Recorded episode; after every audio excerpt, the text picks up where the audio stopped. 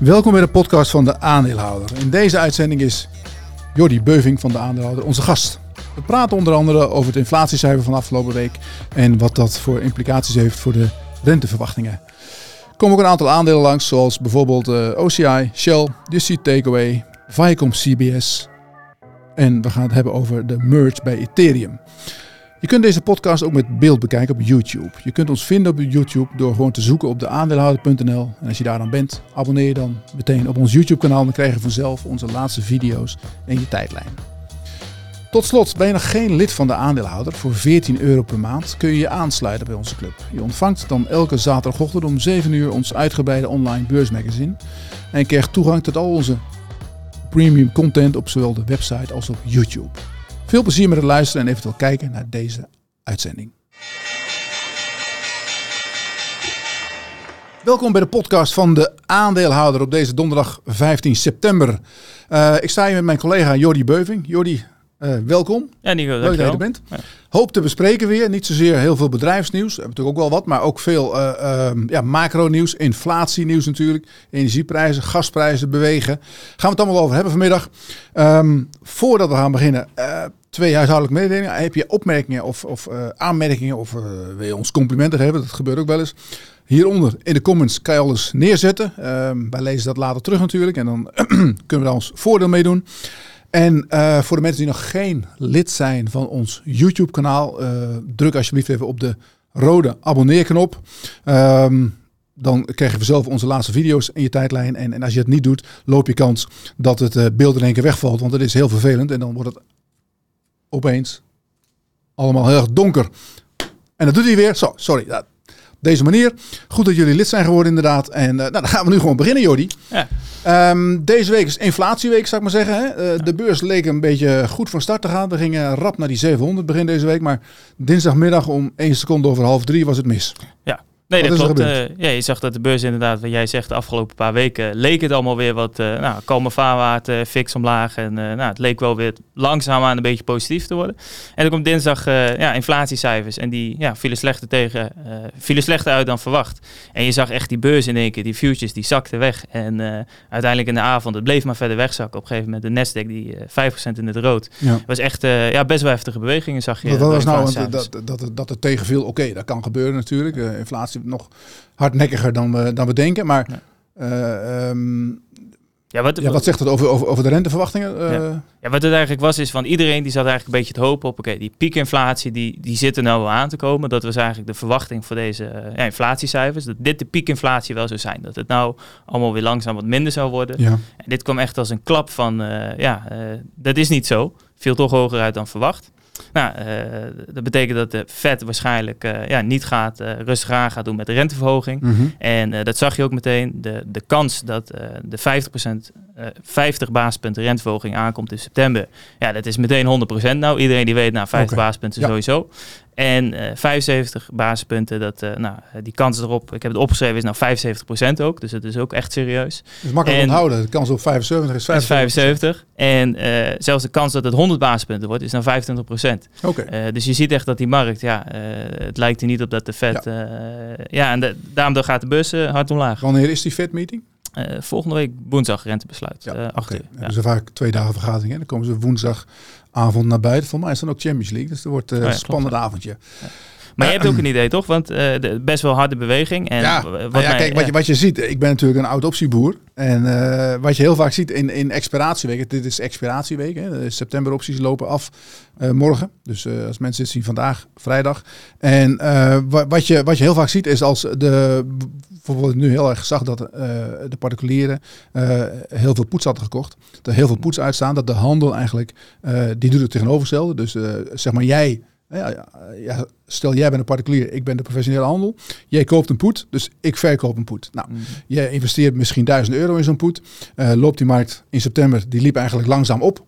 Uh, ben jij je geld kwijt? Nou, doe je verder niks meer. Misschien doe je het opnieuw, maar goed, uh, zal, maar, zal ik maar zeggen, game over. Voor mij als ja, professionele handelaar heb ik een positie, ik heb een, ik heb een poet verkocht, maar die moet ik ook hedgen. En die hedge ik door aandelen te verkopen, door de future te verkopen. Dus mijn positie is eigenlijk een put short en ik heb aandelen short. Nou, wat, wat, gebeurt er dan richting expiratie als het, het langzaam oploopt? Die poet verliest aan waarde.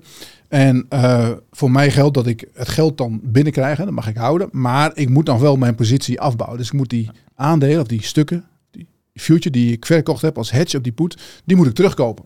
Nou, eh, dat, uh, als de markt omhoog gaat, dan kost me dat geld. Maar ik heb natuurlijk de buffer van de, uh, het geld wat ik voor jou heb gegeven voor die premie. Dus wat zie je dan richting expiratie? Als die markt, de markt was vrij rustig, de VIX was ook wat afgekomen. Dus iedereen denkt, nou, expiratie gaan we wat hoger. We kopen onze stukken terug en dan beginnen we aan een nieuw verhaal volgende week. Nou, als dan, dus dat, dat geeft een beetje opsturende kracht op de markt. Maar als dan in één keer een, een, een, iets verandert in de markt en het gaat hard uh, een kant op omlaag, komt iedereen ineens hartstikke scheef te zitten. Jij hebt geluk, want je poed wordt misschien weer geld waard. Maar de professionele handel, die moet als de donder, die zijn net uh, aandelen aan het terugkopen, die moeten weer verkopen. Dus dat, dat, die beweging gaat dan extra hard. Ik zag een uh, best wel een goed verhaal op Zero Hedge. Daar hadden ze daarover dat de, heel veel handelaren gamma short zitten, zoals het heet. En um, dat zorgt gewoon voor extra beweging. En goed, het is al heel moeilijk te kwantificeren, want niemand weet precies wie wat doet. Uh, je weet ook niet hoe de grote banken zitten, instituten, wat, wat, die willen doen. Maar dat is wel een beetje wat er ook doorheen loopt in zo'n expiratieweek. waar je ook voor mensen die veel met opties bezig zijn, dat uh, ook altijd goed voor moet uitkijken. Als jij in de uh, laatste expiratieweken, we hadden gisteren nog op kantoor een discussie met iemand die, die, die had uh, poets verkocht in Proces. Hartstikke mooi gedaan. De 50 poet op een, uh, van, uh, wat hij er 1,50 voor gekregen of zo. En hij zei, ja, die ga ik echt niet terugkopen, want het, is nog, het is nog maar vier dagen. En toen zag ik dat het ding deed 8 cent. 8 cent, ja, ja, zei, voor die 8 cent koop je wel. Je kan ook weer door. Je kan ook weer een nieuwe verkopen. En uh, je loopt voor 8 cent, loop je wel heel veel risico als je die laatste dagen nog wil afwachten. Tuurlijk, nee. kans is niet groot dat het gebeurt.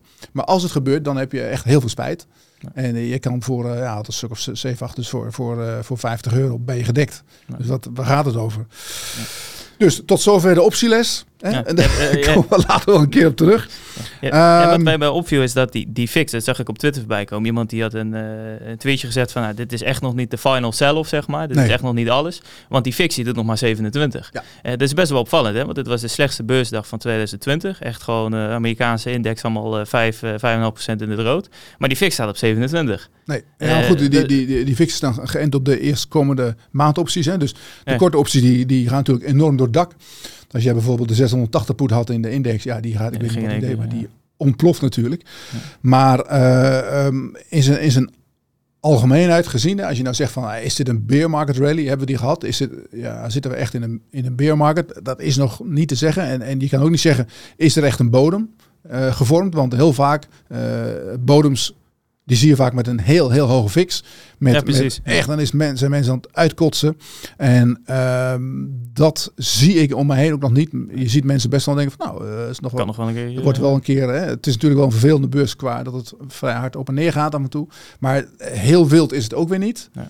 En, en uh, dat iedereen er helemaal klaar mee is, dat zie ik ook nog niet. Dus het is misschien dat er nog meer aan zit te komen. Maar aan de andere kant, ja, het is ook een hele moeilijke macro-omgeving. Want als we bijvoorbeeld kijken naar uh, wat er gebeurt in, in Oekraïne. Ja. Hè? Uh, daar zou je ook weer van kunnen zeggen van oké, okay, die, die Oekraïners die gaan in één keer uh, ja, behoorlijk je terrein aan het winnen.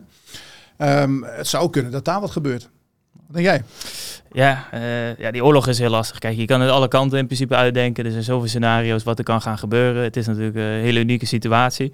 Uh, je ziet ook wel dat, uh, wat jij zegt van inderdaad, die Oekraïners die winnen best wel wat terug. En beurs reageert er eigenlijk nauwelijks op. Hè?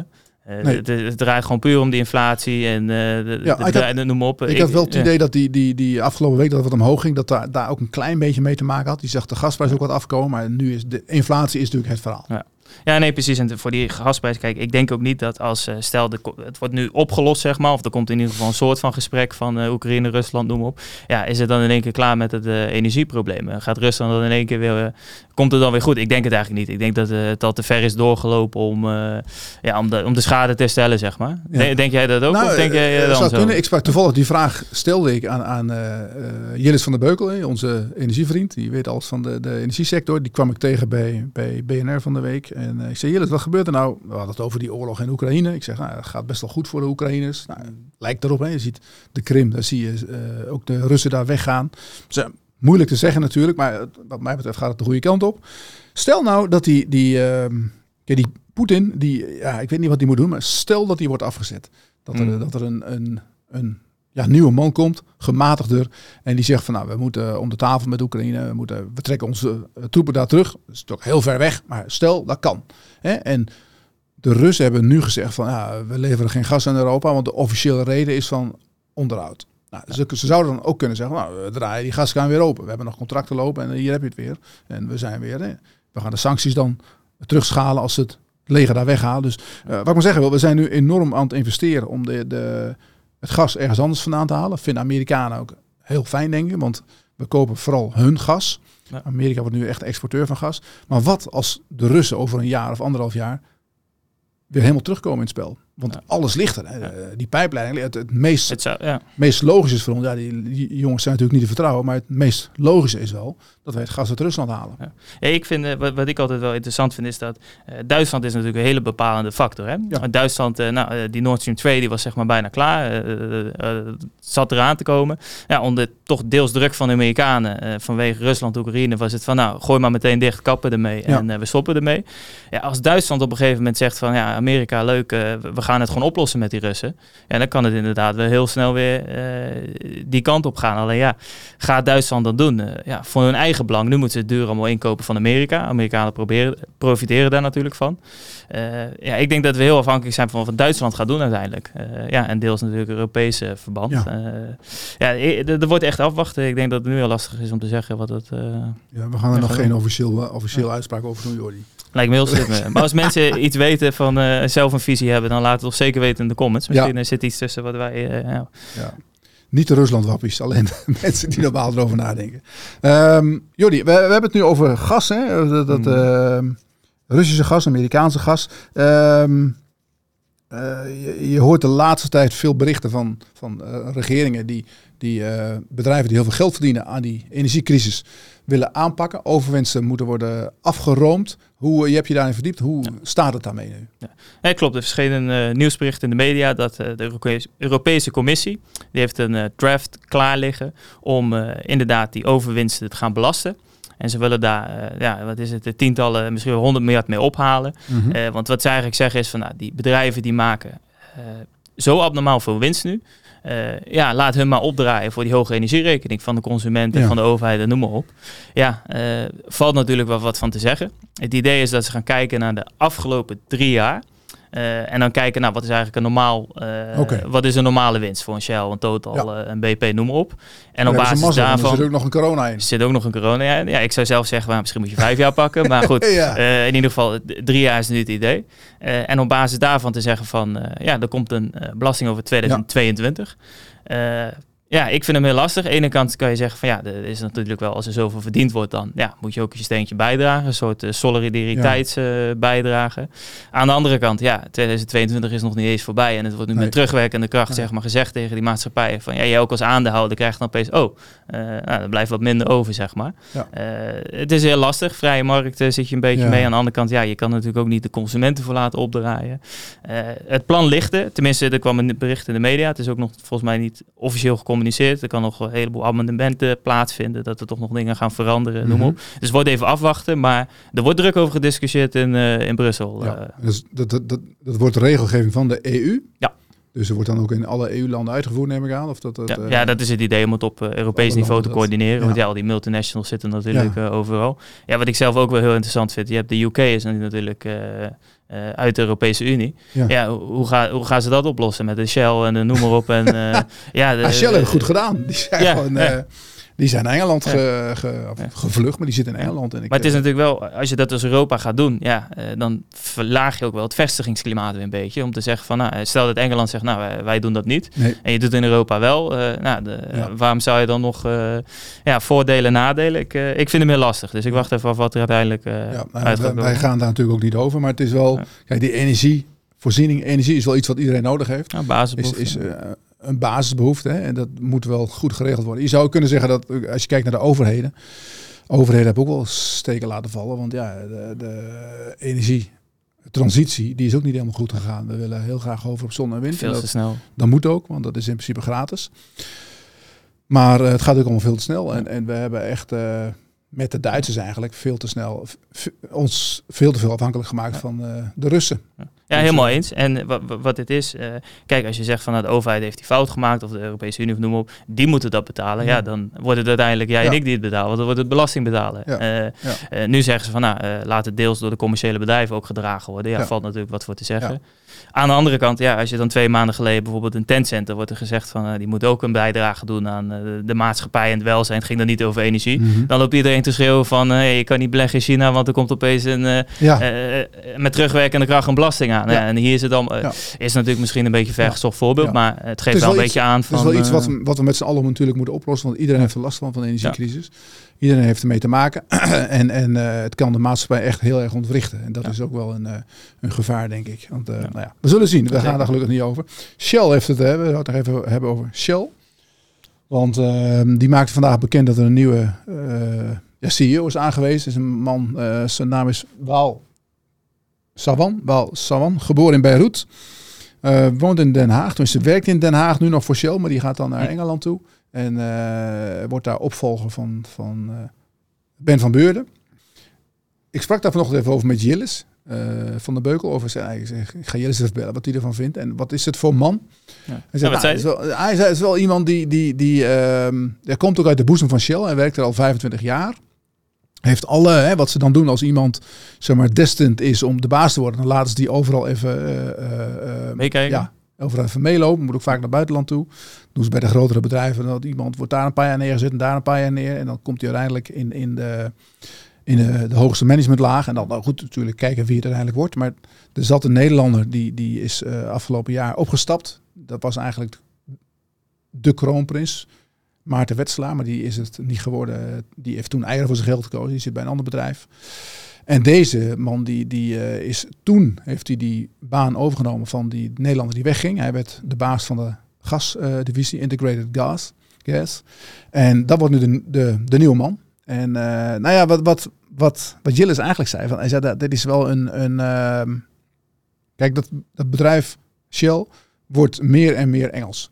Ja. Brits. Het was, het was Brits-Nederlands. Het is ook heel lang de gewoonte geweest, dat de, de regel geweest dat er een eh, ja, Nederlander in de, aan de top stond, aan de leiding stond. Hè. We hebben natuurlijk eh, ja, Jeroen van der Veer, heel lang geweest. Nou, ja, Ben van Beuren is van mij negen jaar is die eh, CEO geweest. En dit is echt een Anglo-Saxisch iemand.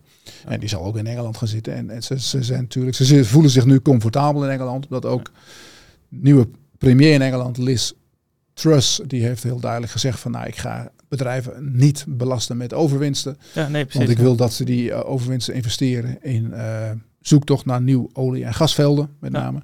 En eh, nou, dat is, ja, inderdaad, Shell bent, dat klinkt natuurlijk als muziek in de oren. Ja. Want het wordt gewoon de, de rode loper uitgelegd en je kan doen wat je wil. Ja, dat En, is eh, natuurlijk wel een beetje met, eh, met, de, met de UK toen, met die brexit. Iedereen was er best wel fel tegen toen de tijd. En ik had er ook wel met een paar mensen in mijn omgeving nou, discussie over van... eh, ik denk dat het op termijn voor de UK best wel een unieke positie oplevert. Omdat, nou, je hebt Europa. Je bent eigenlijk het enige land in Europa dat niet onder de Europese Unie verder fungeert. Ja. Dus je kan zelf zeggen, nou, met dit doen wij wel mee, met dit niet. Ja. Ja, als jij zegt, we doen er niet mee. En een paar partijen, bedrijven of weet ik het wat, die vinden dat interessant. Ja, dan kiezen ze voor jou. Ja. Je zit wel in Europa, maar je hebt niet te maken met de Europese Nee. heel veel van die wetgeving. Dus ja, eh, Ja, je mist natuurlijk wel de interne markt, maar aan de andere kant Ja. hebben veel van die multi- multinationals, die zitten overal. ja, Dus precies. die hebben hier ook wel een divisie wat Ja. Nou ja, Shell in ieder geval, ehm, we hebben het er ook in de chatsessie eerder deze dag over gehad. Hè, want wat moet je nou met zo'n aandeel Shell? Eh geldt ook voor aandelen als bijvoorbeeld OCI. Je hebt het heel goed gedaan. Enorm de wind mee gehad in, in deze, niet eens van die energiecrisis, maar ja, vanuit de hoge prijs voor gas en olie. Eh, in het geval van OCI met kunstmest. Eh, eh, moet je daar nu moet je eruit? Moet je er afstand van nemen? Moet je zeggen van nou, ik, ik, ik verkoop ze? Hè? Ja, heel moeilijk te zeggen. Maar ehm, je kan altijd zeggen van ja, een beetje winst nemen kan nooit kwaad. Maar aan de andere kant zie je dat deze bedrijven ook door investeren in de, de ja, nieuwe energieontwikkelingen. Ja. Bij Shell zijn ze heel erg bezig met waterstof. OCI is heel erg bezig met ammonia. Wat, eh, waar straks bijvoorbeeld schepen op gaan lopen. Dus ja, dat is ook wel iets wat eh, we moeten natuurlijk verder kijken naar wat er nu gebeurt. Enorm hoge prijzen van nu, die zullen over een jaar, twee jaar misschien weg zijn. Maar er ontstaat wel een nieuwe realiteit en daar moeten zij ook weer hun weg in vinden. Ehm, gaan we toe naar het volgende onderwerp. Dat is Jordi, maandagavond, heb jij toen toevallig, eh, heb je wat leuks gedaan maandag? Heb je tv Maandag, gekeken of iets? eh, ik was hier maandag tot best wel laat, denk ik. voetballen? Nee, dit- dat was dinsdag pas. Maar, Ik heb, ik heb het over de documentaire van ASML. eh, was, dat, was dat dinsdag? nee, die was maandagavond. Was maandagavond? Heb je niet gekeken? Ik heb wel gekeken, want Oké. ik heb dag eerder al gekeken. Ja. Oh. Hij, stond, hij stond al online op hij de, stond op de online. VPRO, Oh, eh, God, digitaal. Dus ik, eh, preview. Ja, nee, ik denk, ik, ga, ik ga niet wachten tot maandag half elf. Dus wel heel heb je laat. nog leuke dingen gezien in die, in die serie, behalve die Spaanse... Die, Ja, zeker weten. Nee, het was echt. eh, ik heb laatst 10 minuutjes niet gezien, want het begon de US Open finale. Dus eh, Oh ik ja. was net te laat eh, met, met, ik denk een uurtje. Nou, dat kan net, Ja. maar ik was net te laat. De laatste 10 minuten niet gezien, maar ja, hele interessante documentaire. Ik denk aanraden voor iedereen die belegt in chip-aandelen Mhm. of die die industrie heel interessant vindt. Ja, 55 minuten echt een kijkje binnen de muren van ASML. Ja, normaal kom je daar niet, zie je dat Nee. niet. is natuurlijk heel top secret, zeg maar. En ja, je ziet alles hoe het er van binnen aan toe gaat, waar ze mee bezig zijn. Eh CEO Wenning komt even aan het woord. En eh, ook de CTO trouwens echt, eh, ik vond het echt fantastisch. Dick Benschop. Benschop, ja. Ja, Jos Nee, nee, Benschop. Jos. Benschop. Dick- Dick de andere doet- Benschop. Doet nu wat anders. Ja, en Die ja, die, een functie elders. Sorry. ja, die legt het echt fantastisch uit. Hoe, Ja. hoe dat in elkaar zit met, met zo'n chip en noem maar. Want dat is natuurlijk hartstikke Oké. complex. Dus ja, op de website de aanhouden kan je, staat ook een linkje naar die documentaire. Dus kunnen mensen kijken. Ik zal ook onder deze podcast zo'n linkje zetten. Heel goed. Dus, heel goed. echt naar. Heb je hem ook gekeken? Nou, ik heb, ik heb eh, gezien. Eh, Ik ben een beetje, was een beetje aan zeppen en toen, eh, toen viel ik erin. Dus ik heb, ik heb zeker gezien, niet helemaal. Ehm, maar eh, de, ehm, wat interessanter is, en, en we hebben het nu over ASML, over de chipsector. Jij verdiep je daar, ja, zeg maar, steeds meer in. Ehm, hoe is het eigenlijk met die sector nu? Nu, nu we toch zien dat ze best wel cyclisch zijn en dat ja, eigenlijk zijn in heel veel delen van de economie was een, eh, was een tekort aan chips. En daar Ja. is nu zelfs overschotten. Ja. Ehm, wat, wat, wat houdt dat eigenlijk in voor bijvoorbeeld die enorme investeringen die in Samsung, Intel, eh, TSMC allemaal gaan doen ja. in nieuwe machines? Eh, ja, wat het is, eh, je ziet nu dat die economie, dat die economie afzwakt. Dat geldt voor heel de economie. Dat geldt ook voor de chipsector, zo simpel is het. Het leek er in het begin op 2021 van nou, die chipbedrijven, dat zag je ook aan de koersen van eh, al die bedrijven, nou, die bleven maar oplopen. Die eh, semiconductor index die eh, liep echt bizar hard op. Ja. Ja, die is inmiddels alweer volgens mij bijna gehalveerd. Dus je ziet het nu echt heel erg terugkomen. Alleen wat heel belangrijk is, is dat je een heel goed onderscheid moet maken tussen de verschillende spelers in de industrie en wat er gebeurt. En wat je nu ziet is dat echt de verkoop van puur de chips, ja, die, eh, die begint even af, af te zwakken. Maand op maand basis. eh, prognoses voor, eh, kwam van de week een nieuwsartikel dat ze verwachten dat die markt met dubbele cijfers gaat afkoelen volgend jaar. Dubbele cijfers. Dubbele Ja, ja. cijfers. Eh, kwam, gisteren stond daar een rapport van op, op het internet. Ja, dat zijn natuurlijk echt serieuze getallen. Alleen onderliggend, ja, er zijn zoveel trends die spelen dat op termijn eh, ja, die markt het waarschijnlijk gewoon hartstikke goed gaat doen. En die afzwakking die je ziet bij puur de chip zelf, die zie je nog niet bij de chipmachines. Nee, dus nee. de capex voor eh, de ASML's, eh, de noem maar op, echte eh, bedrijven die de chipmachines maken. Ja, dat wordt iets bijgesteld. Dat zie je ook wel voor dit jaar. Als men dan uitging van 140 miljard capex, ik zeg maar wat, wordt er nu 135 miljard. Dat wordt allemaal weer iets bijgesteld. Alleen het is nog niet dat dat Oh, dit, echt... dit is niet echt een verlaging van Dat- 140 naar 135. Nee, precies. Dus het is niet echt dat dat enorm begint af te zwakken. Nee. Er kwam ook een bericht van Samsung naar buiten, ik denk twee weken terug nu. En die zei van ja, wij verwachten dat de eh, verkopen, want Samsung maakt heel veel eh, chips ook, geheugenchips, Mhm. eh, dat die ook echt, eh, die zwakte 20% af op kwartaalbasis. ja. Dus een derde kwartaal 20% minder dan het tweede kwartaal. Dat is echt eh, ja. een serieuze daling. ja. Daar is ook TSMC in één keer de eh, nummer 1 geworden op basis van eh, Ja. omzet. Maar wat Samsung eigenlijk zegt is van, ja, wij gaan deze downturn gebruiken om gewoon te blijven investeren. We gaan niet zeggen van, eh, we gooien nu eh, de capex omlaag en we, we stoppen met investeren. Want dan houden we onze nummer 1 positie, of een nummer 2 positie, wat je maar wil. ja. Eh, ja, dan verliezen wij onze marktpositie. Ja. Dus ze blijven investeren om ook over 4, 5, 6 jaar eh, eh, ja, eh, de leider te zijn in de industrie. En wat het wel is, kijk, zo'n chipfabriek bouwen, dat zie je nu overal gebeuren. Dat duurt 3, 4, 5, soms 6 jaar. Ja. Dus al die capex-plannen nu van al die partijen, zoals een TSMC, een Intel, eh, een Global Foundries, noem maar op. Tegen de tijd dat die machine, eh, eh, dat die fabriek er staat en dat die machine draait, ben je 4, 5 jaar verder. Ja. Als de economie nu afkoelt, maar over 5 of 6 jaar is er meer vraag dan dat het afgelopen jaar was. Ja. Ja, dan ligt het maar net aan hoeveel capaciteit daar natuurlijk is bijgekomen en hoeveel nieuwe vraag er is. En je ziet natuurlijk onder, onderliggend dat de vraag naar chips die stijgt harder dan de economie zelf natuurlijk. Hè? Omdat we worden steeds digitaler. Dubbele cijfer. Alles komt online, elektrische auto komt eraan, er zitten meer chips in enzovoorts, enzovoorts. Internet of Things. laatst ook Stefan, uh, België webinar, die zei ook van, uh, van mijn Lexus, van een gemiddeld aantal chips in een nieuwe auto. Dat is misschien wel 100 chips en dat, normaal zijn het er 10 of 20. Ja, ja, ja, dat houdt niet op. iedereen moet aan de elektrische auto. De zelfrijdende auto komt eraan. smartwatches met, met healthcare, noem maar op. bijhouden, je hartslag doet, noem maar op. ja, die, die hele markt die blijft gewoon groeien. Alleen, ja, die chipsbedrijven blijven cyclisch. Zeker de chipfabrikanten zelf. Mhm. En dat zie je nou uh, inderdaad gebeuren. Ja, dus, ja. Eh, dus de, de, eigenlijk de, de, goed mag samenvatten, de uh, chipmachinefabrikanten die lopen minder risico. Ik moet zeggen, die CEO van ASML heeft ook wel eens gezegd van uh, we, we, kunnen de vraag eigenlijk helemaal niet aan. Het zou wel goed zijn als het een beetje afkoelde. Want dan uh, wordt het wat rustiger allemaal. Want in Eindhoven zijn ze ook de hele boel aan het verbouwen natuurlijk. Ze hebben volgens mij uh, 30% meer orders dan dat ze, dat ze überhaupt konden produceren.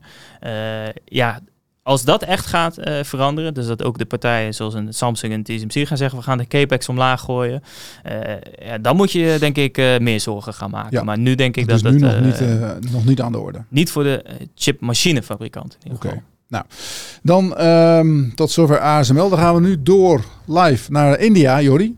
India, we gaan heel de wereld Vorige week hadden we, we hebben in het magazine, elke zaterdag een ETF van de week. Uh, vorige week was dat India. En misschien is het even goed om uit te leggen hoe dat. Hoe dat uh, de ETF van deze week wordt trouwens over healthcare. Maar van, van de vorige week is het leuk om dat even. Je hebt dat uitgezocht. Mm -hmm. um, wat is er met India aan de hand? Hoe gaat het daar? Ja, we hadden het inderdaad uh, vanwege Albert volgens mij uh, een tijdje geleden op kantoor over, over India. Dat was een grote overstroming had... geweest in, uh, ja, in, in Bangalore. En zijn collega die had een filmpje gestuurd. Bangalore is echt de Silicon Valley van India, zeg maar. Mm -hmm. Alle techbedrijven. Ja, dat terzijde. nou, toen gingen we kijken van, nou, wat doet die Indiaanse beurs eigenlijk? Je hebt de Nifty 50 en je hebt de, ja. weet ik wat, India MSCI. En ja, tot mijn grote verbazing doet die beurs het fantastisch. Uh, year to date gewoon, een, uh, ja, gewoon flat. Dus gewoon 0% vanaf 1 januari tot nu.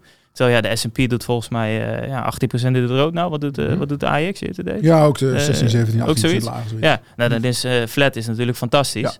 Ja. En ja, er zijn eigenlijk meerdere redenen voor waarom dat zo is. En een hele belangrijke is de energieinflatie die wij hebben in het Westen en in Amerika. die heeft India veel minder tot niet omdat, zij, zij, kopen de rommel van de Russen. Precies, India heeft als enige gezegd van ja, leuk dat uh, Rusland uh, en Oekraïne en dat heel de wereld zich er tegenkeert. India die zegt van ja, wij kunnen goedkope olie kopen. Gaan we gewoon doen. Ja. En daar kan je natuurlijk van vinden uh, en denken wat je wil. Alleen, ja, dat zie je nou wel. anders in. ja, hun staan daar heel anders in. ja, en hun zegt van nou, wij gaan dat gewoon doen. ja, je kan olie met een dikke discount krijgen. andere grondstoffen, dat is het eerste waar ze van profiteren. Maar dit is nog een andere hele belangrijke reden. En dat is China. Mm -hmm. En ik China, India. Uh, het zit namelijk zo, afgelopen jaar zie je dat een heleboel uh, beleggers en uh, investeerders, ja, die trekken zich toch een beetje terug uit China. Vanwege inderdaad nou, dat de overheid in één keer iets kan doen waar, waar niemand weet wat is nou precies aan de hand. bijvoorbeeld ja. nou, educatie, online educatie, die tax schrappen, de, de koersen 90% dalen. dus foreign direct investment in China neemt aardig af. Alleen, uh, dat stroomt dus naar India toe. Ja. Uh, als Apple, alternatief. Apple ja. staat er ook mee bezig. Dat is het iPhone willen laten maken door uh, Tata Steel. Klopt, ja. Uh, nieuwe, uh, die zijn, Apple zijn met, is met Tata inderdaad in gesprek ja. om de nieuwe iPhone, iPhone 14 in ieder geval, om die in India te fabriceren. Ja, ja die wordt nu in China of in Taiwan wordt het samengesteld. Ja. En je ziet ook dat Foxconn, dat is een andere chippartij uit Taiwan, die heeft nou de eerste chipfabriek in India aangekondigd. Okay. Uh, samen met een andere ja. uh, Indiase speler. Je ziet dat die grote bedrijven langzaam maar zeker toch uh, die een beetje gaan rekening houden met ge de geopolitieke situatie. Ja. De Amerikanen misschien in een clash met China komen. Ja. Dat ze de, de, ja, best wel raar. Want Apple maakt al zijn iPhones natuurlijk in in China, als ja. Amerika en China ruzie krijgen. En Taiwan, ja. Waar komen dan die iPhones vandaan? Dus die zijn eigenlijk op de achtergrond allemaal... Zijn al proactief bezig om uh, naar India te verschuiven. Uh, plus ja, als je die energieinflatie niet hebt, heb je natuurlijk al, al een uh, bizar groot voordeel. Plus ja, economische groei was afgelopen jaar in India 7, 8 procent GDP. Ja, dat is echt dat is best wel serieus. Verwachting voor volgend jaar is ook positief. Ja. Uh, dus die beurs die doet het best wel goed. Ja, uh, ja best wel opvallend uh, vond ik zelf. Ook als je het vergelijkt met andere emerging markets. Mm -hmm. Die staan eigenlijk vrijwel ook een heleboel in het rood. Ja. ja, India is een dikke outperformer. Okay. nou, leuk. Goed om te weten dat er ook ergens op de wereld wel goed gaat. Alleen, ja, Die Indiërs dan altijd die olie uit Rusland komen, dat is natuurlijk minder goed. Ja. Ja, als niemand het meer koopt, dan hebben ze natuurlijk een probleem. Alleen ja, als één iemand zegt van we kopen het gewoon, dan, ja, dan werkt het ook niet helemaal. De handel gaat altijd door. Ja. Um, gaan we door. Ja, best veel dingen. heel even naar uh, Justy Takeaway. We komen zo te spreken over de Ethereum trouwens. We doen ook Bitcoin en alles. Hè. We zijn van alle markten thuis. Tenminste, jij, ik niet. Daar gaan we het zo over hebben. Maar eerst even naar Justy Takeaway. Want dat, um, ja, dat was een beetje een verhaal wat een beetje tussen tussen, tussen neus en lippen, wel een schip of zo doorkwam. Ja, half vrijdag. Half, uh, afgelopen vrijdag, vorige week, uh, kwam opeens een rapportje naar buiten van Citigroup. Die had een conferentie georganiseerd in, in Amerika. En daar was Jitse, was er ook aanwezig. Jitse Groen, de CEO van Justy Takeaway. En die had zich daar wat positief uitgelaten over de, de winst. Ja, winst, ik mag het geen winst noemen, dus verliesontwikkeling. Maar het zou uh, de goede kant op gaan. En ze, ze, was uh, ja, best excited, zoals ze dat noemen, de Amerikanen. Dat het allemaal best de goede kant op ging. Dat ze behoorlijk bezig waren om, om uh, met name die, de kosten zeg maar, omlaag te brengen. Nou, dat kan ook makkelijk, denk daar op het hoofdkantoor. Waar nog steeds veel geld uitgegeven wordt. Met Champions League. Skitripjes, de Champions League. hoe heet die zangeres ook alweer? Katy Perry. Katy Perry natuurlijk. Hoe kan ik het nou vergeten? die... ik vind het wel een leuk liedje wat ze zingt, maar dat, is wel wat ja, anders. ja, ja, dat is wel een leuk liedje. Maar goed, het is niet dat ik dan meteen ga bestellen. En uh, hij had eigenlijk gezegd dat ze uh, qua ontwikkeling van de EBITDA dat het de goede kant op gaat. En uh, dat ze ook, wat ze natuurlijk willen gaan doen, is de, de, het marketingbudget wordt aangepakt. Hè, want ze krijgen nu, als het goed is, in Amerika heel veel nieuwe klanten binnen via de deal met Amazon, Bank, de deal met Bank of America. En dan hoeven ze minder geld uit te geven aan uh, uh, echte marketing. En dan kunnen ze, als ze, ze daar een beetje aan draaien, aan die knoppen, dan kunnen ze de winstontwikkeling heel snel bijstellen. Dat is natuurlijk een beetje het idee. En uh, nou goed, voor wij, hè, wij, wij gaan volgende week gaan we daar meer over. Uh, je gaat samen met Albert uh, gaan we een uitgebreide opname doen, toch? Ja, Albert is, nou ja, die is er sowieso mee bezig, maar die, we maken een uitgebreide video. En daar gaan we ja, probeer het achteraan wat nou precies de waarde is in, in bij Justy Takeaway. Wat erin zit nog. Wij zijn er nog steeds enthousiast over. Maar ja, de waarheid gebiedt ons te zeggen dat het uh, koersontwikkeling niet je van het is. Ben je er nog niet klaar mee? Wat iemand anders op kantoor, die, uh, niet Albert overigens, maar uh, die zei van de week van... nou, ik ben wel klaar met die, met die koersbeweging. Maar kijk, op, op een gegeven moment moet je ook... moet je voor jezelf ook je afvragen wat je nog wil accepteren. Ja. En ik heb zelfs zoiets, ik vind dat er zoveel waarde in zit. wat er misschien ook wel uit kan. En ik zie de laatste tijd dat uh, Jits heeft ook wel gezegd van, nou, we doen de juiste dingen. Heeft hij, heeft hij een keer gezegd op Twitter. Uh, ja, daar wordt hij met regelmaat van de klok aan herinnerd. Maar ik zie nu echt wel dat, er, uh, dat ze de goede dingen doen. Ik vond de verkoop van iFood was natuurlijk heel goed. Ik denk dat de banken daar ook een klein beetje op aangedrongen hebben. Van, er zat ook best wel schulden openstaan. En joh, je kan er nu anderhalf miljard voor pakken. Best wel hoop geld met deze lage waarderingen. Um, dus dat, dat is een hele goede eerste stap. Um, of ze Amerika gaan verkopen, ik denk het niet eerlijk gezegd. Maar goed, er zijn ook mensen die denken van wel. Nee. Ze kunnen Australië nog verkopen. Ze gooien Frankrijk dicht. Uh, tenminste, niet in Parijs, maar wel in, in, op het platteland, zou ik maar zeggen. In de kleinere steden. Dus de Volt, en, en dat is zo'n bedrijf wat hard gegroeid is. Daar wordt natuurlijk, uh, die denken alleen maar aan omzet maken, omzet Tuurlijk, maken, ja. winst. En, en, en, uh, die letten echt niet op waar het geld... Groeien. en dat geld vliegt aan alle kanten uit. Maar dat maakt niet uit wat die omzet groeit. En dan let je alleen daarop. Maar nu zijn ze heel goed aan het opletten waar het geld heen gaat. En, en ja, dan kunnen ze met de kaasschaaf heel makkelijk gaan bezuinigen, denk ik. En dat is wat hij nu aan het doen is. Dat zie je bij een heleboel uh, bedrijven, hè, die gewoon in die coronatijd zeker uh, nou, alle remmen los en uh, gas erop en groeien, groeien, groeien. Zeker in die tech-sector. dan denk ik ook aan ja. een, een Tencent, allemaal mensen aannemen, Netflix, allemaal mensen aannemen, ja. noem maar op. dat zie je echt overal. Ja, en nu komt die klap en nu wordt het mensen ontslaan, mensen eruit gooien, marketingkosten besparen, noem maar op. ja, uiteindelijk, als die groei dan weer terugkomt onderliggend en je hebt die efficiëntieslag gemaakt, ja, dan kan het ook weer ja. voordelig gaan uitpakken. Het is ook vaak uh, nodig ja. om die bedrijven weer een beetje te stroomlijnen voor de volgende groeifase. nou, Jordi, dan nu uh, even kijken. Ethereum. Ja, ik moet zeggen, ik ben zelf niet zo'n Bitcoin-man, maar uh, er gebeurt wel wat. Ik moet wel zeggen, Ethereum zie je heel duidelijk dat het veel beter ligt dan de, de Bitcoin. Hè. Bitcoin rond de 20.000 af en toe wat omhoog, maar uh, schiet niet echt op. Maar Ethereum stond onder de 1000 en staat nu voor mij rond de, de 15, 1600 of zo. wat is daar precies aan de hand vandaag? Ja. Morgen? Uh, nou, wat is? Iets heel belangrijks uh, voor crypto-beleggers, Ethereum, Bitcoin. Dat is de zogeheten merge van Ethereum. Die is vanochtend is die succesvol afgerond. Donderdagochtend. En, dus. donderdagochtend ja. inderdaad. En wat het eigenlijk is, het is een aanpassing in, het, nou, in die blockchain van Ethereum. En dan denk je, nou, leuke aanpassingen, noem maar op. Wat het eigenlijk is, zo'n blockchain, gebeuren allerlei transacties.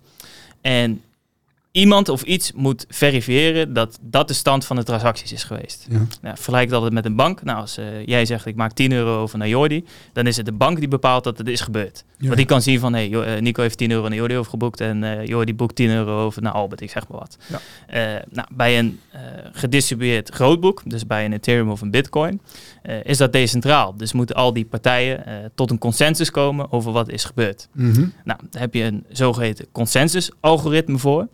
En dat is dus gewoon een stukje code. Die moet zorgen voor die autoriteit van dit is wat klopt en dit zijn de transacties die hebben plaatsgevonden. Ja, heb je de meest bekende variant, dat is proof of work. En dat is wat Bitcoin doet. En dat is eigenlijk uh, dat je computers hele complexe rekensommen laat doen. Uh, degene die hem oplost, die krijgt een vergoeding in Bitcoin. En dan bepaal je, oké, dit klopt, dit is er gebeurd met transacties. Ja. Uh, daarom zie je ook dat uh, ja, die miners, zeg maar, uh, er zijn gewoon bedrijven die hebben alleen maar van die computers staan. En die zijn de hele dag, hele dag alleen maar bitcoin aan het minen. Mm -hmm. Het probleem daarmee kost is... Kost stroom. Kost een heleboel energie en stroom. En dat is nou uh, precies waarom er een heleboel kritiek is geweest, onder andere op Bitcoin. Van ja, mm -hmm. al die miners die zijn alleen maar bezig om uh, energie te verspillen om die cryptocurrency uh, ja. in stand te houden. Mm -hmm. is natuurlijk een nou, fair point of kritiek, zeg maar. Ja. maar er zijn ook andere consensus-algoritmen waarmee je hetzelfde kunt bewerkstelligen zonder dat je hoeft te minen. Ja. Nou, en dat is wat er is gebeurd en dat heet proof of stake. En dat is eigenlijk dat je zegt van nou, ik heb Ethereum dat steek ik. En dan zeg je eigenlijk, ik zet het aan de kant, ik haal het uit, uh, uit, uit, de omloop. Ja. Uh, en die gaan die transacties verifiëren. Oké. Heb je geen miners meer nodig. Ja. Uh, en dat is wat Ethereum nu heeft gedaan. Die heeft die switch gemaakt van dat proof of work naar proof of stake. Okay. Dat betekent in één keer dat je geen miners meer nodig hebt, uh, geen energie meer hoeft te verspillen, noem maar op. Uh, er zijn nog wel andere voor- en nadelen, maar dat is natuurlijk de hoofdzaak. Ja. Uh, dus het is best wel een big deal voor zo'n cryptocurrency. Ja. ja, dus dat is wat er, wat er is gebeurd. Oké, okay. en, en wat is nu, want ik, ik kijk alleen maar of het omhoog of omlaag gaat met Ethereum, maar wat is, dat, wat is de uiteindelijke uitwerking daarvan? Je zegt dat er hoeft geen nieuwe Ethereum te, te worden gemined. Nou, wat het uh, is, is dat nou, uh, een heleboel partijen die nemen afstand van uh, en crypto, omdat nou, je moet dat minen doen. Ja. Dat kost heel veel energie. Ja. Nou, daar beginnen we niet aan. Ook institutionele partijen die zeggen van ja, heel de wereld energie besparen, noem op. En dan gaan we voor een cryptocurrency gaan we energie verspillen. ja, Ethereum hoeft nou niet meer. Uh, dus het maakt de adoptie, denk ik, uh, wat makkelijker. Ja. Omdat uh, ja, je zit daar niet meer mee. Dus het wordt een stukje ESG, zeg maar, om het zo te zeggen. Ja. en bij Bitcoin is het nog niet zo. Dus ook de wat betekent positie. Dit, wat betekent dit dan voor de Bitcoin? ja, dat op dit moment Ethereum, wat mij betreft, aantrekkelijker is. omdat ze niet die miners hebben. Ja. En verliest Bitcoin dan deel van, van, uh, ja, van zijn functie eigenlijk, omdat het ook via Ethereum kan? Nou, wat het is, uh, Bitcoin zou dat, tenminste dat heb ik gelezen, ik ben ook weer niet zo expert, die kunnen dat eventueel ook gaan doen. Ja. dus dat is ook nog maar de vraag of dat ja. nou, gaat gebeuren. Maar voor nu ja, is het echt een duidelijk voordeel voor Ethereum ja. dat ze overstappen naar dat proof of stake. Okay. En daarom zie je ook wat jij zegt van sinds de low in juni, uh, Bitcoin volgens mij met 10% gestegen, Ethereum met 40, 50. Ja, Ethereum is, is best, want het stond onder de duizend heel even. En dat is best nu, uh, ja, dat is gewoon met, met zelfs 50, 60% weer gestegen. Ja. Dus dat is in, dus in aanloop hier naartoe. Ja, okay. nee, klopt. Nou, voor zover de, de Bitcoin hoek in deze podcast. Misschien moeten we daar meer mee doen. Hè? Er zijn best veel mensen die die crypto. Die, die, uh, nog in die crypto zitten. En je hebt ook een keer uh, Dogecoin of zo toch? Doge, uh, ik, ja, maar daar was ik gelukkig ook op tijd weer uit. Ja? Ja? Nou, dat was toen, toen die Musk, die kwam toen in een, in een tv-programma in Amerika, Saturday Night Live. En in aanloop daar naartoe, iedereen wist van, nou, dan gaat hij natuurlijk vertellen over, over Dogecoin. Mm. En toen liep dat heel erg makkelijk op. Dus kon je gewoon meeleven. Maar je wist natuurlijk, ja, ja dan moet je er, voor die tijd moet je eruit, want hij gaat daar wat zeggen. En ja, dan, nee, natuurlijk. Ja. En dan is het over. Maar voor mij doet dat ding nu dan maar 5 cent of zo. Dat is verschrikkelijk. Dus ik moet zeggen dat het niet uh, allemaal, ja, leuk en aardig wat die Musk allemaal roept en doet en zo. Maar hij maakt natuurlijk wel, hij richt wel een hoop schade aan. Bij, uh, want heel veel mensen lopen achter hem aan. En die blijven erin hangen. Zag je nou ook weer met Twitter hè, met die overname. Ik weet niet hoe ja. de stand van zaken nu is. Maar hij uh, komt met een bot en jaagt het aandeel op. En dan wil hij opeens niet, meer, uh, niet meer kopen. Nou, dan zakt het aandeel weer weg. En hij verkoopt ondertussen wel voor 15 miljard aan uh, Tesla-aandelen. Dus hij heeft zijn geld lekker binnen. Um, en de rest die zit met de gebakken peren van zijn volgers. Ja. Ja, nee, dat is echt iets van deze tijd. En mensen met best wel veel volgers, best wel Ja. veel uh, media bereiken, ja, die een heleboel uh, op social media toch voor elkaar krijgen. Dat het best wel, uh, ja, die koersen van of aandelen of crypto of noem maar op, best wel beweegt. Ja, er wordt eigenlijk best wel weinig aan gedaan ook. Het is heel lastig ja. aan te pakken. Misschien moeten wij ook eens een keer doen, Jordi. Gewoon een pump en dump aandeel. Pump en dump. ja, wat zullen we doen? farming of zo? Wat een soort uh, Harry Mens effect inderdaad. Nee, dat gaan we niet doen. Dat gaan we niet doen. Uh, speaking about farming. Uh, ja, veel vragen wat er nu aan de hand is. Uh, Simon de Vries was afgelopen week in Amerika. Die sprak daar op een conferentie. Dat zijn wel rare dingen. Hè? Want dat had je dus ook met, met, met, met Jitse Groen. En uh, als je dan ja, toch hebt over dingen die in de markt niet helemaal... Wat ik ook zelf ook niet helemaal goed vind. Als zo'n zo'n Jitse bijvoorbeeld op zo'n conferentie daar bepaalde uitspraken doet. Dan moet eigenlijk het het bedrijf moet gewoon een persbericht, een persbericht uitsturen. Joh, uh, onze CEO die zegt vandaag dit en dat daar. En dan heeft iedereen gelijkheid van informatie. En nu moet je er via, via achterkomen dat, dat er een, een, een analistenrapportje van Citigroup circuleert. Waarin uh, dat kun, kun, je dan via via aankomen. Maar uh, ja, dat, dat, noem ik niet gelijkheid van informatie. Nee. En we hebben toen afgelopen week ook even gebeld met, met Jussie Takeaway. Van hoe zit dat nou allemaal? En... Um, ja, dan is het maar net of zo'n bedrijf denkt van ja, dan gaan we geen persbericht aan wijden, want hij heeft wel iets gezegd, maar ze weten eigenlijk niet eens precies wat. En, en in welke context en noem maar op allemaal. Dus best wel raar. En, en nou, in dit geval met farming was de Vries in Amerika, die is goed aangekondigd hoor, dat hij daar spreker was op een, uh, een congres, een conferentie. Mm. En daar heeft hij waarschijnlijk, nou, hij kan natuurlijk als geen ander iets verkopen. Um, dus uh, ja, en dan zijn er een hoop Amerikanen die denken van hey, dat is, uh, dat is bingo daar in, in Nederland met dat het biotechbedrijf. En dan komt daar weer een paar dagen extra vraag uit. Ja, aandeel uh, loopt uh, lekker op. Hè? Dat, ja, uh, het is wel, het wordt wel een beetje link hoor. Omdat, um, um, kijk, de, de, de, ellende met biotech is altijd, het is Anne van. En ze zijn heel goed bezig. Hun, hun, hun basisproduct loopt goed. Nou, als het nieuwe product erbij komt, ga je verdubbelen in omzet waarschijnlijk. Nou, en misschien nog wel meer. En daar zitten allerlei positieve gevolgen aan. Hè. Je ziet een bedrijf wat loopt op één poot, wat in één keer twee poten heeft. Nou, dat is echt een wereld van verschil. Zal heel veel uh, andere investeerders aantrekken. Die denken van, nou, die het met één product veel te link vinden. En nu met twee denken van, nou, dat is wel een ander verhaal. Want dan, uh, als je dan drie keer omzet betaalt, dan uh, mag het nog 50% omhoog, bij wijze van spreken.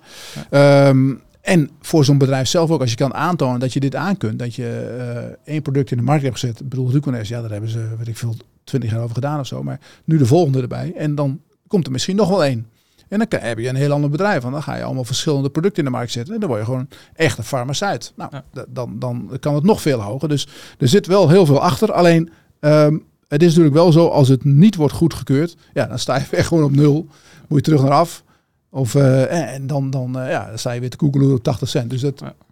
maakt het steeds moeilijk. Maar ja, daarom kunnen mensen misschien ook beter werken met, met opties. Hè? Want Met optie, je downside uh, als je beperken, op, dan, dan heb je voor en de optie premium farming is redelijk laag. Dus uh, dan kan je op die manier wat doen. En dan als het dan misgaat, ja, dan ben je je geld kwijt. Maar dan uh, zit je niet met die dure aandelen je dan uh, 50% omlaag gaat of wat dan ook. Maar goed, um, we schieten aardig op, Jordi. Ik heb nog één vraag voor jou. En dat gaat over een bedrijf waar ik uh, zelf ook al eens mijn neus aan gestoten heb. Uh, dit is een aandeel dat deed, um, denk twee jaar geleden rond de 100 dollar. Mm -hmm. En er staat nu 22,5. Mm -hmm. Ik heb het over Viacom. Ja. Uh, Paramount heette nu. Het zat in de boedel van Archegos. Hè, Archegos. Okay. Bill Wang, die, die een aantal aandelen had opgekocht, heel speculatief. Uh, die ging toen failliet door dit bedrijf eigenlijk, want zij gaven toen extra aandelen uit. Tenminste, dat wilden ze doen. Ja. En toen belden ze Bill Wang van, doe je ook mee? En die had helemaal geen geld. Alleen, met, door, alleen die zat uh, enorm geleveraged erin. En toen ging het van 100 naar 80. En nou ja, nu staat het 22,5. Maar er zit wel degelijk een bedrijf achter. Ja, klopt. Nou, je hebt die... het afgelopen week uh, goed naar gekeken. Nee, klopt. Die Bill Bank trouwens, die moet nou voorkomen in 2023. Dus officiële oh. datum dat hij voor de rechtbank of zo. Okay. Uh, dat zag ik op Seeking Alpha voorbij. Ja, ik heb ook nog een appeltje met hem te schillen. Dus, ja, we, misschien kunnen we er naartoe op kost van de zaken. Dan als gaan ik we Bill Wang eens even... voor mijn fiets krijg, rijd ik zeker door. Ja. Maar, nee, maar uh, Viacom CBS. Viacom CBS inderdaad. Zoveel mensen wel kennen Viacom. Een grote media, ja, multimedia conglomeraat uit Amerika. CBS kennen heel veel mensen natuurlijk Mhm. mm -hmm. ook wel. nou, hebben naamverandering doorgevoerd. Paramount Global heet het nu. Oké. Dat is eigenlijk samenvoeging van allerlei eh, ja, mediabedrijven, Ja. waaronder eh, Viacom CBS. Eh, bekend van MTV, Nickelodeon, eh, Comedy Central, Showtime, alle echte bekende televisiezenders en mediazenders in Amerika. Eh, daarnaast zit een televisiestudio eh, in, eh, Paramount Pictures. Die maken dus zelf films, noem maar op. Nickelodeon Studios, die hebben een eigen studio, het zit. Eh, en wat ze eigenlijk hebben gezegd is, nou, wij gaan inzetten op de streamingmarkt. Hele competitieve markt natuurlijk, streaming met Netflix en Hulu en Pluto. En, nou, je kan denk ik wel tien verschillende streamingpartijen noemen waar je een Ja. abonnementje kan afsluiten. Maar wat het idee is bij Paramount, dat is de strategie, is nou, zij hebben al een bestaande mediabusiness. Die hebben al bestaande kanalen om eh, content te distribueren. Mhm. Dat gaan ze als springplank gebruiken om voet te winnen in die streamingmarkt. Ja, en tot nu toe gaat dat best wel goed. Want eh, die streamingmarkt die groeit daar, eh, de omzet uit dat segment groeit met eh 20, 22 procent volgens mij. Alleen, het is nu op het geheel nog best wel relatief klein. Die traditionele media business is goed voor de grotendeel van de omzet. Ja, Alleen dat streaming wordt wel steeds groter, groeit steeds harder, blijft Ja. maar groeien. ja, ja. ja. Nou, wat is nou het probleem waarom het aandelen het niet wil doen? Is A, er zit best wel serieus veel schuld in. Eh, volgens mij 11, komma nog iets miljard op een market cap van 15 miljard. Dus dat Mhm. is echt eh nou, een forse hoeveelheid schuld. Eh, ja, eh, aan de andere kant, een heleboel van die schuld lopen als 2027, 2028 af. Dus de looptijden zijn wel nog eh, Ja. relatief lang. schuld is schuld. Eh, schuld is schuld, helemaal mee eens. Ehm, en het tweede is, wat ze aangeven, is die content, eh daar moeten we enorm veel aan uitgeven. Ja. Eh, dus dat raakt de cashflow. Want eh, om die streamingmarkt te winnen, moet je blijven investeren in content. Ja. Anders dan eh, willen mensen niet meer bij jou zitten. Dan Nee, gaan ze naar. Netflix toe. Ja, daar wouden ze nou eh 4 miljard voor uitgeven en dat willen ze nou, hartstikke erg gaan opschroeven. Dus men maakt zich zorgen over de cashflow, want Ja. ja, die wordt gewoon geraakt. Alleen ja, als ze nou twee, drie jaar lang eh, eh, die marktpositie maar weten uit te blijven en ze worden op een gegeven moment serieus groot, ja, dan kan het best wel eens interessant worden natuurlijk. Want dan kan je met je content wat minder, dan ga je er wat minder aan uitgeven, Ja. dan heb je je marktpositie vergaard, eh, nou ga je abonnementje de prijs verhogen, noem maar op. Dus ik vind het wel een interessant aandeel. Het is ook echt heel goedkoop. Het is wel echt typisch een waardeaandeel. Maar Ja. je zit met die schuld. Oké. Dat is een, ja, dat is een side note. Ja, prima. Dus, eh, nou, we gaan daar de, dit weekend in het magazine zullen we daar een uitgebreid artikel over, over eh, publiceren. Ehm, we Ja, wat zijn staat er bijna... nog meer eh, in Hm? het magazine? Eh, wat staat er nog meer? Ja, nog veel meer. Ja? Ja, dat ga ik nu zeggen. Dat is de bedoeling althans. Nee, we- er staat heel veel in. We zijn bijna aan het einde van de show. Maar voordat onze leden krijgen dit weekend, elke zaterdag natuurlijk, zaterdag om 7 uur, in hun digitale, op hun digitale deurmat de nieuwste, nieuwste editie van het ons online beursmagazine, de aandeelhouder op zaterdag. En er staat in natuurlijk Viacom, CBS, Paramount, uitgebreid uitgelegd. ETF van de week hebben we altijd, gaat deze keer over healthcare. Ehm, we komen terug op de bestuurswissel bij Shell natuurlijk. Eh, groot achtergrondartikel over de problemen bij Axis. Axis, het eh, sympathieke houtbedrijf uit Arnhem. Waar, eh, ja, dat gaat toch bestuurlijk, moet ik zeggen, niet helemaal verhaal, goed. Ze, ze, ze zijn daar bezig met een fabriek in Engeland. En dat, ja, daar liep in de, coronatijd liep de aannemer daar weg. Die had er geen zin meer in. Die moesten ze volgens mij zelfs afkopen ook nog. En eh, toen gingen ze het zelf doen. Maar dat duurt maar en duurt maar. Die moeten misschien nog een keer geld ophalen ergens. Ehm, we hebben een artikel met drie aandelen die zouden kunnen profiteren van het eh, van als de gasprijs hard zakt, hard daalt. Want ik moet eigenlijk, ik zat te denken, want ik moet eigenlijk omkeren. En je ziet nu, eh, vooral op de Duitse beurs, zie je een aantal bedrijven die heel veel last hebben van die hoge gasprijs. Nou, die, die eh, koersen zijn enorm gedaald. En ehm, er zijn er een paar bij. waar ik denk, van, nou, er zit best wel, zijn best wel degelijke Duitse bedrijven. Maar Mhm. eh, die willen toch niet loskomen, omdat ja, die, die hebben ook aantoonbaar heel veel last van die hoge gasprijs. Nou, stel nou hè, dat dat, dat, dat Eh, omdraait. Verandert, dat die, eh, iets gebeurt met die Russen, met die oorlog, weet ik veel. Gasprijs in elkaar knalt. dan is dat heel goed voor deze aandelen. En die zullen dan ook waarschijnlijk hard gaan stijgen. Nou, drie daarvan gaan we noemen. En ook dat staat in het magazine. Nou, nog veel meer natuurlijk. De puzzel What's Up on Wall Street. Waarin jij eh, uitgebreid naar eh, alles kijkt wat er in Amerika gebeurt. En dat allemaal voor 14 euro in de maand. En de link, voor als je nog geen lid bent, staat gewoon hier onder deze podcast. Jordi, we breiden een eind aan. Ja, Nico? op 48 minuten. Veel mooi geweest voor deze week. Ga je wat doen dit weekend? Eh, ja, het gaat voor, ik wil gaan sporten, maar volgens mij gaat het heel het weekend regenen. Sporten, ja, eh, gewoon binnen blijven, Misschien lekker binnenbaantje ergens. Lekker eh, Viacom kijken, filmpje kijken. kijken. Ja, dit is misschien een beter idee. Lekker onder een dekentje en niks aan de hand. En jij? Eh? Mijn vader is jarig. Dus die is morgen jarig. Vandaag, as, as we speak, 16 september. Die wordt 90 en, en eh, die geeft eh, op zondagmiddag een groot feest. En dan gaan we, het is leuk, zie ik de hele familie weer. Dus dan gaan we lekker een biertje drinken. Ja, gezellig. Ja. En dan eh, ehm, gaan we kijken hoe, hoe die erbij is. Die nou, Ook een gaat beursman. naar de 100. Ook een beursman altijd geweest? Of, Ja, eh, nou niet altijd, maar hij heeft wel sinds een jaar of eh 15, 20 is hij wel behoorlijk aan het beleggen. Soms met wisselend succes, maar wel, eh doet, moet altijd lachen. Want als ik dan, ja, hij, eh, hij kijkt ook altijd Harry Mens en zo. Ja, ja. Nu wat minder, maar dan zei hij, ja, Harry Mens zegt dit en dat. En die Schaai zegt dit en dat. Dan zei van, nee, nee, het zit zo en zo. En hij, ja, maar dan zie je wat de impact is van televisie. ja. Dat hij toch altijd meer, meer waarde hecht aan wat eh, iemand op tv zegt Ja, dan nee, wat ik tuurlijk, eh, zeg. Maar goed, misschien dat het ooit een keer verbetert. Bedankt voor het kijken allemaal. Ehm, en tot de volgende week. Jullie bedankt. Nico, bedankt.